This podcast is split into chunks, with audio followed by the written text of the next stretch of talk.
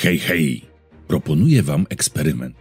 Zapomnijcie o masie książek, które przeczytaliście, albumów, które przejrzeliście, o filmach w internecie, które widzieliście. Zapomnijcie o serialach, o Kenobim, o Rebelsach, o Clone Wars.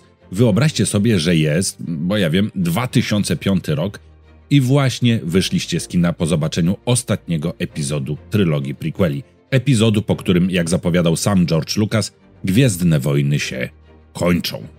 No dobra, filmik będzie nieco humorystyczny i nie należy traktować go poważnie, ale przygotowując dla Was obiecany film o tym, jakie domysły mieli fani przed premierą epizodów prequeli, pomyślałem, że najpierw zabiorę Was do czasów po filmie Zemsta Sithów. Wyszliśmy z kina bowiem z oczami wielkości spotków, urzeczeni tym, co widzieliśmy, całym origin story Imperium. Może byliśmy nieco mniej urzeczeni grą aktorską Haydena, ale no, jak to mówią, nie można mieć wszystkiego. Od razu jednak przyszła refleksja, bo ci, którzy dobrze znali klasyczną trylogię, zauważyli sporo niekonsekwencji pomiędzy dwiema trylogiami. Okej, okay, aby nie przedłużać tego wstępu, zapraszam Was na podróż przeszłość. Zapraszam Was na ranking dziur logicznych prequeli.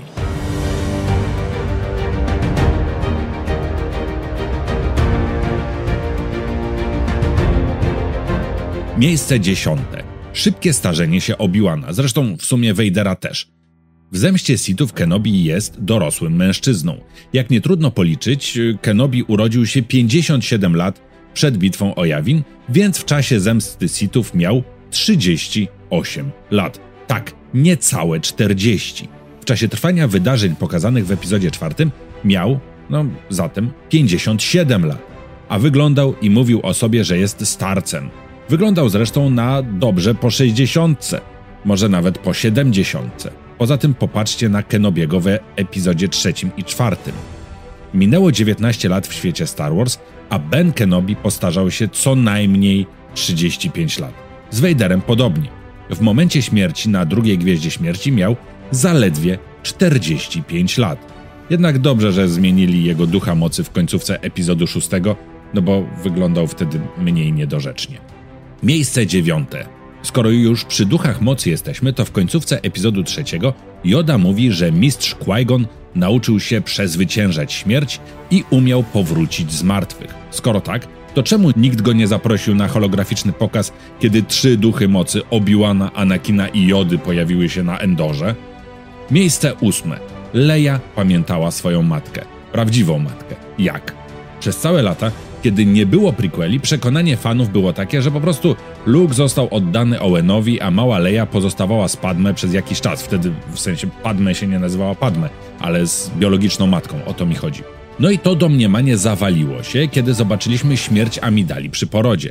Nagle dialog Lei i Luka w epizodzie szóstym stracił sens, bo Leia nie mogła pamiętać Padme. Fani to tłumaczyli tak, że może Leia pamiętała jakiś obraz matki poprzez moc, ale no sami wiecie, tłumaczenie kulawe strasznie. Miejsce siódme. Znowu, strój Obi-Wana w epizodzie czwartym tłumaczono, że Jedi po prostu nosili szaty podobne do tych, jakie nosili zwykli mieszkańcy planety, na której taki Jedi się znajdował. Chodziło o to, żeby no nie rzucać się w oczy. W prequelach okazało się, że brązowy płaszcz z kapturem i brązowe spodnie oraz jaśniejsza tunika i do tego pas z mieczem świetlnym, to jest niejako standardowe ubranie Jedi, jakby mundur. No i weź tu teraz wtop się w tłum danej planety i unikaj rozpoznania jako Jedi, wyglądając dokładnie jak każdy Jedi. Miejsce szóste. Nie rozumiem, co się stało. Jedi byli ważni w galaktyce. Było ich pod koniec y, Starej Republiki w epizodzie, w czasach epizodu pierwszego było ich 10 tysięcy, jak mówił Jod. Jedi stali na straży pokoju i tak dalej. Wygrali wojny klonów. Owszem, potem propaganda Imperium zrobiła z nich zdrajców. Niemniej to, że w epizodzie czwartym już nikt o Jedi nie słyszał i byli oni zupełnie zapomniani w galaktyce, to już jest bardzo dziwne. Niemal tak, jakby ostatni Jedi wymarł przed tysiącem lat, a nie zaledwie niecałe 20 lat wcześniej. Miejsce piąte. Gwiezdne wojny mają niesamowite przywiązanie do nazwisk. Kenobi, generał Armii Republiki i jeden z bohaterów wojen klonów, ukrywa się na Tatooine pod niezmienionym nazwiskiem. Zmienia sobie imię z Obi-Wan na Ben i mówi o sobie Old Ben Kenobi. Wiecie, nawet to brzmi podobnie do Obi-Wan Kenobi. Zresztą to Kenobi to jeszcze pół biedy. Nadzieja galaktyki Skywalker ukrywa się pod niezmienionym nazwiskiem na rodzinnej planecie Dartha Vadera. To już jest absurd. Nie mieli tam jakichś, nie wiem, spisów powszechnych? Przecież gdyby Vader naprawdę szukał Kenobiego i swojego dziecka, to natychmiast by je znalazł. Chyba, że Skywalker było tak popularnym nazwiskiem jak Kowalski i po prostu Skywalkerów w galaktyce były miliardy. Miejsce czwarte. Skoro Darth to był jakiś tytuł Sita, to czemu Kenobi posługiwał się nim jak imieniem, zwracając się po prostu do Vadera Darth? Dziwne. Tak, ja wiem, że serial Kenobi nam to jakoś tam naprostował, a Darth miało być pierwotnie imieniem ucznia Kenobiego, bo Darth Vader i Anakin Skywalker to miały być dwie różne osoby w jakiejś tam pierwszej wersji scenariusza napisanej przez e, George'a Lucasa, ale no jest jak jest. Przypominam, że w naszym eksperymencie myślowym nie istnieje jeszcze serial Obi-Wan Kenobi. Jesteśmy tuż po premierze Zemsty Sithów. Miejsce trzecie. Zatrzymanie niemalże czasu. Sprzęt się nie zmienia, albo nawet wygląda na nowszy w prequelach, które dzieją się wcześniej. Teraz po latach mi to nie przeszkadza, ale wiecie, między epizodem pierwszym a czwartym minęło no, ponad 30 lat. Zauważcie, jak u nas na Ziemi posunęła się przez taki czas technika. Smartfony, internet, platformy internetowe, elektryczne samochody, moc obliczeniowa komputerów wzrosła, a w Star Wars nic. Nawet w prequelach ta technika wyglądała na nowocześniejszą. Nic jednak nie tłumaczy np. zmian w Artuditu. Dlaczego w prequelach umiał latać, a w klasycznej trylogii miał już problemy z poruszaniem się?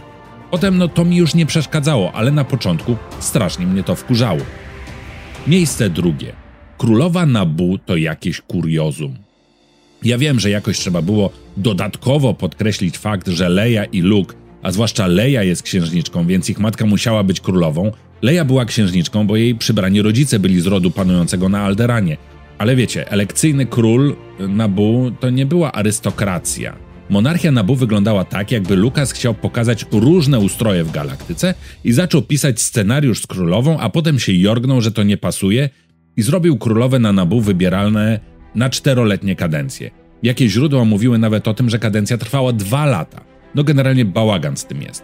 No i jeszcze królowymi zostawały dziewczynki, w wieku najwyżej kilkunastu lat. No pojechał po bandzie i to srogo. Ile potem ja się naczytałem rozmaitych dzieł, gdzie jakoś prostowano te kwestie z wyborami, kadencjami i próbowano jakoś dokładać ideologię do takiej, a nie innej formy monarchii. Lukas wymyślił to strasznie. Zresztą o monarchii na, na Bu robiłem kiedyś filmik, więc po prawej będzie karta. Kliknijcie, obejrzyjcie, jak to wyglądało in universe, te wyjaśnienia. Miejsce pierwsze – Podobnie jak z Jedi i tym, że galaktyka nie pamiętała o nich, było z wojnami klonów. Kenobi przedstawia wojny klonów jako jakiś niemal mityczny konflikt, w którym walczył z ojcem Luka. Niemniej już nikt nie pamięta tej wojny. Co więcej, ten konflikt, i mówiłem o tym kiedyś, okazał się mniejszy i mniej mityczny. Od po prostu se wyhodowali wojsko i klony się tłukły. Chociaż może to nie do końca niezgodność, jaką wywołały prequele, a raczej zawiedzione oczekiwania młodego fana uniwersum, jakim wtedy byłem, w sensie kiedy atak klonów wchodził do kin. Dzięki wielkie za oglądanie. Dajcie znać o jakich dziurach logicznych pomiędzy trylogiami zapomniałem, bo na pewno o jakichś zapomniałem. Komentarze są do Waszej dyspozycji. Zostawcie subika i łapkę pod filmem i uważajcie na siebie. Uśmiechajcie się często i niech moc będzie z Wami. papá.